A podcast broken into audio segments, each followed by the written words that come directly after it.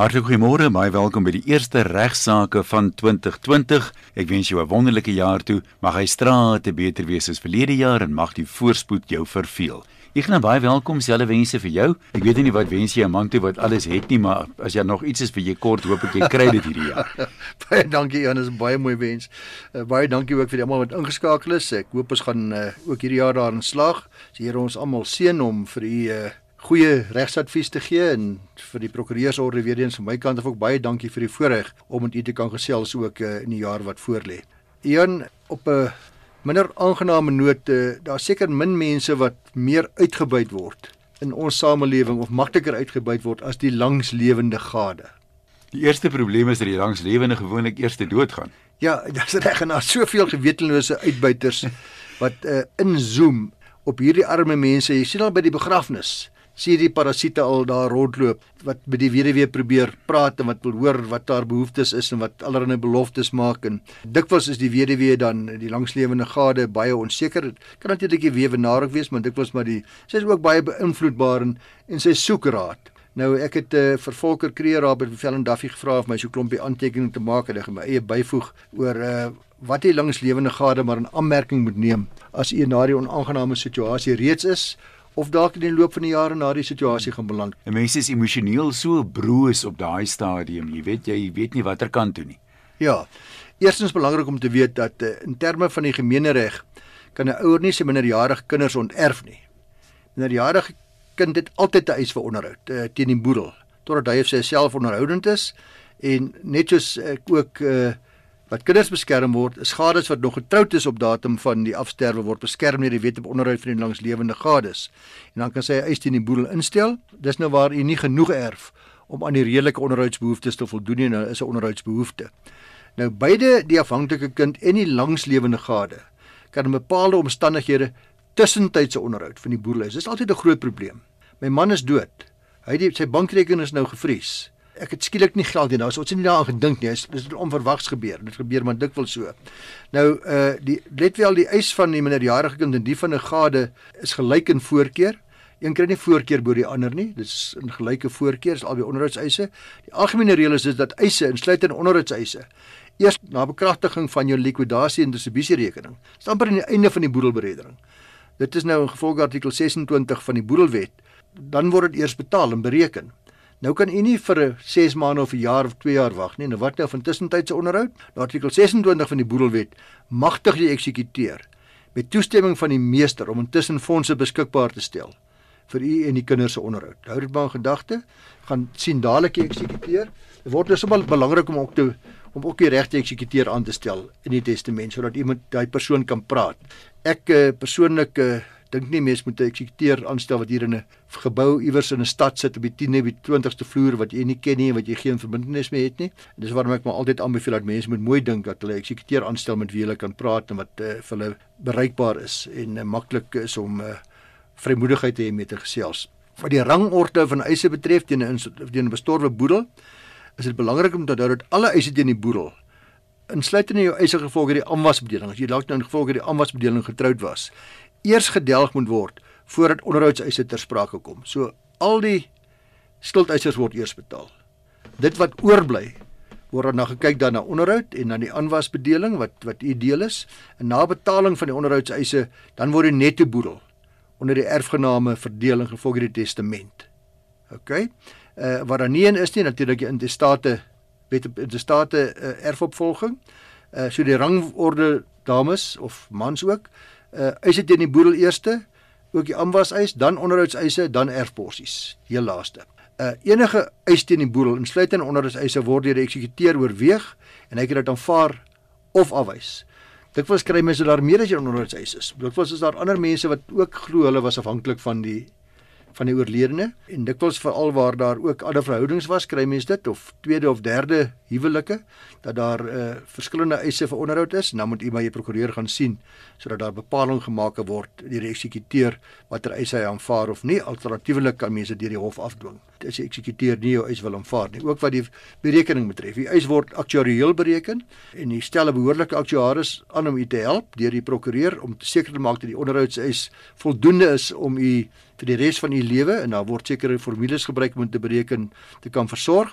En as die eksekuteur sê jammer mevrou nee, ek moet nog te veel dit doen of dat doen, ek gaan nie volle eis betaal nie, dan moet u dadelik u prokureur gaan sien en afdwing. Dan belangrik waar u in 'n lewenspolis benoem is as begunstigde, dan vorm die polisopbrengs nie deel van die boedel nie. Hierdie word dan direk aan u betaal. Dis altyd baie lekker om dit te kry. Dit word baie vinnig uitbetaal baie deur meeste van die versekeringsmaatskappye en uh hou gedagte dat jy moet maar seker maak dat u en die man se polisse dus begunstig is sodat dit buite die boedel val en u dadelik daardie opbrengs kan kry uh wanneer u gade dan te sterwe kom. Net 'n vinnige vraag daaroor. Jy kry soms mense wat die enigste baat is in die boedel is basies die opbrengs van lewensversekeringspolisse. As dit nou alles uitbetaal word aan begunstigdes wat benoem is, ja. gaan dit uiteraard soms lei tot 'n tekort aan likwiditeit in die boedel. Is. Is dit 'n probleem vir die erfgename of nie regtig nie? Wat om mee te begin moet jy onthou dat wat die bredering van die boedel aanbetref, moet daardie polis in aanmerking geneem word vir boedelbelastingdoeleindes. So daar moet nog steeds 'n boedel wees wat aangegee word.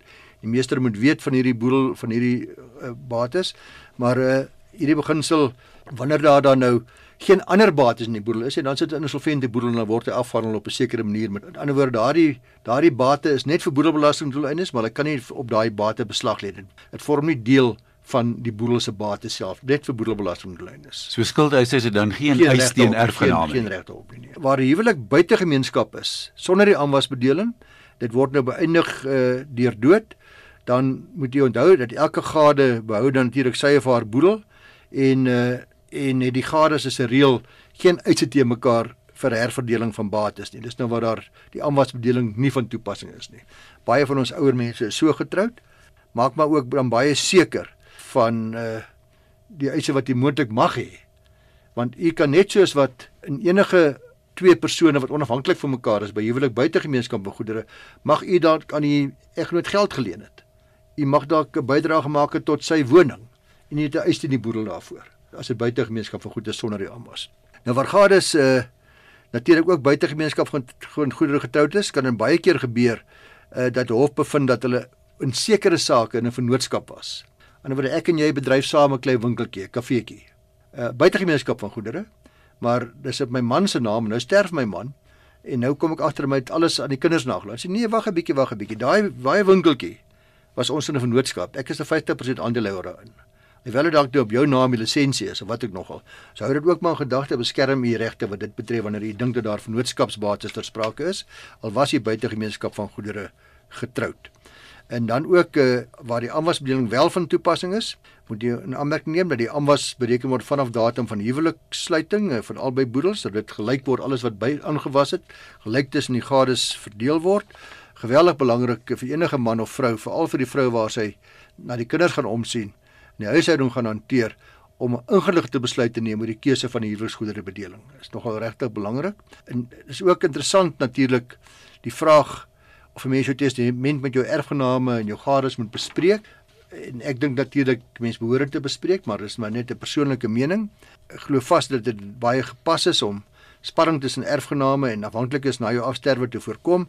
Jy moet veral nie mevrou bang wees om met jou man te bespreek nie. Ek bedoel hoekom nie? Julle is getroud, julle het 'n lewe saamgesluit. Hoekom kan julle nie saam weet presies wat in elkeen se testament staan nie? Ek verstaan dit nooit regtig nie. En uh, ek wil nou nie spanning veroorsaak in die huwelik nie, maar dit is belangrik dat mens behoort met mekaar oop kaarte te speel sodat jy moet weet wat jou situasie gaan wees by die afsterwe of die uh, wat soms gebeur het onverwags en en en, en dan jy nie voorberei nie. Wees maar voorberei daarvoor sodat jy ook uh, seker maak dat jy en die kinders behoorlik uh, versorg is na aftrede. Nou soms kom die die dood nou skielik na 'n ongeluk of iets in diervoege, maar baie dikwels met verswakte bejaardes of so weet 'n mens dis 'n kwessie van tyd. Jy het nou tyd om die goed te bespreek en die reëlings te tref ja, en die vrae te vra. Dis nie lekker om daaroor te praat nie, maar dit kan dinge baie makliker maak na die dood wat eintlik maar onvermydelik is. Korrek. Ja, en dan is daar die een ander ding wat ek amper vergeet het, dis die wat die pensioen betref. Uh is daar geweldig onsekerheid by langslewende gades. Wat gebeur nou met die pensioen? Elke pensioenfonds het 'n raad van trustees en daai raad van trustees besluit na die dood van die pensioen uh geregtigde wie daardie pensioen moet kry. Hulle neem almal se omstandighede wat moontlike eise het, alle afhanklikes, se omstandighede in ag en hulle besluit dan op watter basis daardie persoon aan uh, daardie verskillende afhanklikes die pensioen uitbetaling gaan word. Uh, so dit word maar kyk dan wie wie het werklik jou onderhoudsbehoeftes. Gewoonlik as jy nog getroud was uh, met die gade sal dit maar die vrou en die kinders wees wat dit kry. Maar dikwels is daar ook vorige huwelike waar daar bestaande egskeidingsbevele is, onderhoudsbevele is en is 'n situasie waar jy sonder twyfel maar dadelik die prokureur moet gaan spreek om u belange daar te behartig en dan laastens belangrik om na egskeiding 'n nuwe testament op te stel. Want eh, mense vergeet dit aan mekaar. Herhaal net daai 3 maande reël asseblief. O, daar's 'n venstertydperk van 3 maande vir hierdie nuwe testament. Sou 'n huweliksmaat binne 3 maande na afhandeling van die egskeiding sterf. Aan die ander wyse is nou is nou geskei. En binne daardie 3 maande sterf een van die huweliksmaat, dan erf die voormalige gade niks. Dit word aanvaar dat hy u wou onterf op dit nog nie daarby uitgekom het nie. Of sy nog nie daarby uitgekom nie, maar as die testament na 3 maande nie gewysig is nie, dan is hy weer geldig en dan kan jy weer erf in terme van daardie testament. So hou maar in gedagte as jy geskei het, oor en oor sien ek dit mense skei baie bittere egskeiding, groot groot drama, baie emosies en 'n paar maande later dan sterf die ander party en tot die groot skok vind jy uit dat daai persoon erf nog by jou en nie jou kinders nie of nie jou nuwe man nie of wat ook nogal nie. Luisteraars, ek wil bietjie vandag praat oor die verweer van ontoerekeningsvatbaarheid want dit is nogal iets wat baie mense interesseer en oor braaivleisvure word daar gereelde vrae gevra. Iemand is toerekeningsvatbaar indien hy oor die nodige geestesvermoëns beskik. Dis nou wat van regsweë vereis word om aanspreeklik gehou te word vir sy doen of late. Dit spreek van self dat mense met geestesiektes en jong kinders onder 7 en tussen 7 en 14 soms nie altyd strafregtelik aanspreeklik gehou kan word vir hulle wederregtelike gedrag nie, omdat hulle nie oor die geestesvermoë beskik wat mense by normale volwasse mense aantree nie. Nou, die geestesvermoë waaroor iemand moet beskik, ten einde deur die reg gestoorrekeningsvatbaar beskou te word, is die vermoë om die ongeoorloofdheid van jou doen en late te besef. En as jy dit nou wel besef, om dan om hier inkomstig hierdie besef van jou ongeoorloofdheid dan so op te tree. As een van hierdie dinge ontbreek, dan is jy ontoerekeningsvatbaar. En dan kan jy nie op grond van die wederregtelike handeling wat jy verrig skuldig bevind word nie. Nou in die hofsaak van Staat versus Kamfer, is 'n 1987 saak wat uh, 'n appelhofsaak wat gereeld aangehaal word word hierdie beginsel baie mooi geïllustreer en uh, ek het dit al 'n klompie jare terug, weet nie 5 of 6 of 7 jaar terug ook gehanteer, maar dis 'n baie interessante hofsaak wat nogal vir my hooplik ook vir u baie interessant gaan wees. Mevrou Kamfer se huwelik met die oorledene was bitter ongelukkig. Hulle was getroud in 1983, dinge van die begin af het uh, nie baie goed geloop nie. Oorledene was dominerend, baie nors, kwaad van geaardheid, bitter min gelag. Uh 2 weke nadat hulle getroud was, het hy die eerste keer ernstig aangeraan ten aanskoue van haar 9-jarige dogtertjie uit 'n vorige huwelik uit. En na die ander het gesê dat sy hom sê dat sy hom om verskoning moes vra omdat sy opgetree het tot so mate dat hy moes aanrand en dat sy dit wat sy nou na bewering gedoen het nooit weer sou doen nie. So hy het homself nie alleen as gesinsloof beskou nie, maar ook as haar baas, ongelooflik kwaad geword wanneer hy kwaad geword het. Geen uh, manier gehad om sy meer te beteel nie. Hy het ook baie met haar godsdiens gespot. Op 'n stadium het hy vir haar gesê dat hy glo hy's Jesus en op 'n ander stadium wat sy weer Hitler gewees en en uh sy het ook gesê daar's baie bose geeste wat hom pla en sy moet veronderstel om die geeste van hom af weg te hou. Die man klink vir my ontoerekeningsvatbaar. Ja, absoluut. En in in die aande moes hy wakker bly omdat hy bang was. Uh hy sê moes waak waak by hom want hy was in 'n bang vir die bose geeste wat hom nou wil aanval in die nag en hy het ook baie bang dat oorlog sou uitbreek en daarom het hy ook hele klomp vuurwapens besit om hom te verdedig vir die oorlog wat enige dag gaan uitbreek. So die oorledene het glad nie genoeg geneem daarmee as mevrou Kamfer teëgepraat het nie. Woedend geword, wreed aangeraak wanneer dit gebeur het. Die nag voor die oggend van die voorval moes hy die hele nag ook wakker, wakker gebly het om geeste van hom uh, af te hou en hy het wakker gesit op die bed toe hy die oggend wakker word, was hy onmiddellik weer in 'n baie slegte by gewees. Sy was so moeg dat sy eers 'n ruk lank in die kombuis op 'n bankie gaan lê het. Sy het gewag vir die water om te kook. Liggaamlik het mens dink geestelik afgetakel tot breekpunt toe gedryf. Van gevoel of sy glad nie kon registreer nie en so toe sy die koffie vir hom neem, toe wil hy dit nie drink nie. Hy het gesê dit ruik suur en dit smaak so seep en ook die kinders moes sy baie slegte by daai oggend ontgeld. Sy is toe na buite toe of uh, sy huis toe na buite toe druk later van buite af gekom en gesê sy moet hy duiwehok toe kom. Hy was besig om 'n skuifslot in die middeltralie deur van die duiwehok aan te bring. Hy het beveel om die slot vas te hou. Hy wou gaaitjie deur die slot uh, boor in die raam met elektriese boor. Sy moes in 'n baie moeilike posisie gaan lê met haar liggaam so teen die deur, dan terselfdertyd die slotstuk vashou sodat dit nie skuif nie. Dan hierdie emosioneel en afgetakelde toestand wat sy in die mishandelings wat sy moes verduur, sy die ding nie behoorlik vasgehou na sy wens nie en hy die gaatjie skeef geboor. Gelei tot 'n groot erger as ooit uitbarsting volgens haar getuienis in die hof. Hy het gevloek, geskel, gedreig, het gesê hy gaan met die skroewedraaier doodsteek. Hy is toe gehardloop, sy wou die deur sluit. Dan kon inkom nie, maar hy's agter haar aan en en en uh, die deur bereik voordat sy dit kon toesluit. Die kamer toe gehardloop, vuurwapen uit die bedkassie gehaal. Toe hy binne storm met sy gedink dat die vuurwapen hom sou afskrik, maar nee, hy het hy het vasgegryp, teruggedwing duiwelhok toe waar hy vir haar geskree het om die skewe gaatjie reguit te bid. Nou uh, onder hierdie onhoudbare omstandighede het sy nog steeds met die revolver by haar geknak en die sneller getrek en uh, hy het ges hy het gesterf as gevolg van die skietwond. Sy is in die provinsiale afdeling aan moord op haar manskille bevind. Sy het in die appelafdeling geappeleer en soos ek sê hierdie uitspraak is nog van groot belang vir doeleindes van erkenning van ontoerekeningsvatbaarheid. Is algemene verweer. Voor die uitspraak gelewer is gewoonlik aanvaar dat daar net vier gronde in ons reg bestaan het wat jou ontoerekeningsvatbaarheid kan uitsluit. Die wete geestesongesteldheid, jeugdige leeftyd, dronkenskap en provokasie. Nee, ek sit nou en dink in die Romeins-Hollandse reg het hulle altyd gepraat van tydelike kranksinnigheid as 'n verweer. Ja. Maar ek het dit prakties nog nooit sien werk nie. Ja, dit is maar eintlik dieselfde as uit 'n geestesongesteldheid, nê. Nee. Hierdie uitspraak baan nie weg tot die erkenning van ontoerekeningsvatbaarheid op 'n baie wye algemene verweer, nie net die vier spesifieke gronde nie. So dit beteken dat toerekeningsvatbaarheid uitgesluit kan word, nie slegs daardeur nie, maar enige faktor wat meebring dat die dader nou nie meer oor die vermoë beskik om die ongeoorloofdheid van sy handeling te besef en belangrik om in ooreenstemming met daardie besef. Al weet ek is verkeerd, maar ek ek ek kan nou nie meer ek kan nie meer beheer nie. Ek handel nou sonder dat ek besef dit is reg of verkeerd. Uh die appelafdeling het uh hierdie saak toe beslis en uiteindelik vir verdoelings van die strafreg van groot belang is is dat twee van die regters naamlik regters Verloon en Boshoff beslis het dat daar wel in ons reg so verweer bestaan soos ontoerekeningsvatbaarheid uh, alhoewel die meerderheid haar skulde bevind het aan moord met versagtende omstandighede op grond van ander feite maar die eerste oogopslag lê dit al baie hardvogtig as mens nou al die feite gehoor het.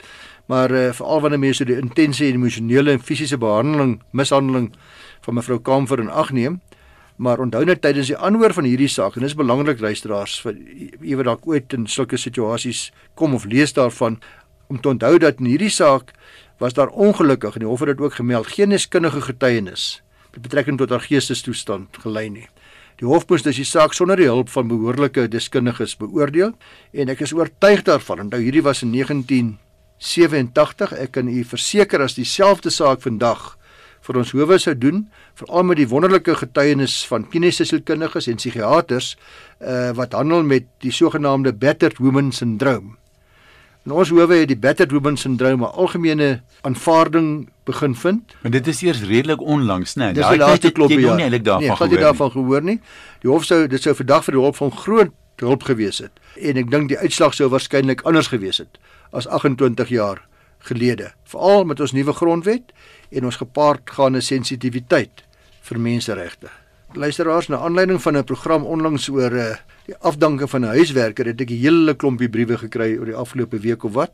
En uh baie met die strekking dat hulle keel vol is vir 'n huiswerker of tuinier, baie redes om dadelik in die pad wil steek en vir alles al luisteraars wat wil weet wat gebeur as die werknemer bloot dros of my net te 24 uur kennis gee dat hy die werk gaan verlaat of sê ek gaan môre loop. Luisteraars, jy moet asseblief onthou dat 'n dienskontrak met die huiswerker of die tuinier op skrif behoort te wees.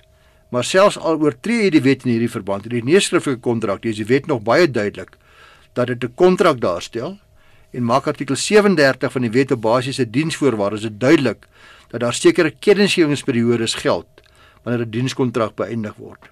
So normaalweg weer eens, jy behoort 'n skriftelike kontrak te hê, dis eintlik 'n verpligting, maar het jy nie, is jy ge absoluut gebonde aan die bepalinge van die wet asof dit 'n kontrak is wat tot stand gekom het. Soms kry mense ook dat die ander party, die huiswerker, sê Afrikaans of Engels so swak is dat of hy kan nie behoorlik lees nie dat dit in 'n sin nie sin maak dan nou om 'n skriftelike kontrak op te stel as hy nie die besef wat daar staan nie. Ja, ek het in my geval dit ook al gehad in my eie huiswerker, 'n uh, vorige ene en dan redelik dat daar 'n 'n tolk is om die Engels of Afrikaans te tolk en dan word daar bevestig dat dit in hom oorgetolk is in sy eie taal. Dit help so bietjie, maar dit is belangrik dat mense moet seker maak dat albei partye konsensus het oor wat die inhoud van so 'n kontrak is. Die kennisgewings wat gegee moet word kragtens die week kom daarop neer dat jy 1 week kennis moet gee as die werknemer minder as 6 maande by in diens was of 2 weke as die werknemer tussen 6 en 12 maande lank by in diens was en na die werker 'n jaar by in diens was, dan moet hy 4 weke kennis gee. So luister weer, 2 weke binne die eerste 6 maande, 1 week skies binne die eerste 6 maande, 2 weke vir die tweede 6 maande en daarna 4 weke. Spesifiek vir huiswerkers en plaaswerkers is dit egter reeds 4 weke kennis as hulle by u langer as 6 maande in diens was. Alle ander werkers 1 week, 2 weke, 4 weke, maar huiswerkers reeds 4 weke na 6 maande in diens. Dis dus duidelik dat die wet baie spesifiek vir huiswerkers en plaaswerkers wil beskerm teen onbillike kort afdankingstydperke. Uh onthou net dieselfde kennisgewingstydperk geld natuurlik ook die kant van die werknemer. Hy kan net vir jy sê môre loop nie, oormôre of volgende week nie. Hy moet ook binne die eerste 6 maande 1 week en daarna vir die 4 weke kennis gee. Jy moet realisties wees egter en besef dat in geval van die werkgewer die wet nie vir die help as die werknemer net 'n kort kennis gee nie, want hy sal 'n siviele aksie moet instel wat selde indien ooit die moeite werd is. Ja. Dit is net nie die moeite werd nie. Indien nie egter as werkgewer kort kennis gee, dan is daar beskerming vir die werknemer en gaan die heel waarskynlik in die hof beland daarmee. Uh daar's heelwat bepalinge in die arbeidswetgewing luisteraars wat hier groot probleme gaan gee omdat dit normaalweg op 'n billike ontslag sal neerkom en kan jy verwag dat uh, u by die KVBA die kommissie vir versoening mondeling arbitrasie gaan beland baie baie gou. Die help ook nie om te sê dat hy of sy byvoorbeeld dit gebeur so gereeld suiker gesteel. Ek weet, ek het gister getoets. Jy was jy was nog 6 koppies suiker. Vandag het ek weer kyk, daar's net 5 koppies suiker. Of ek het by whisky bottel gemerk. Hmm.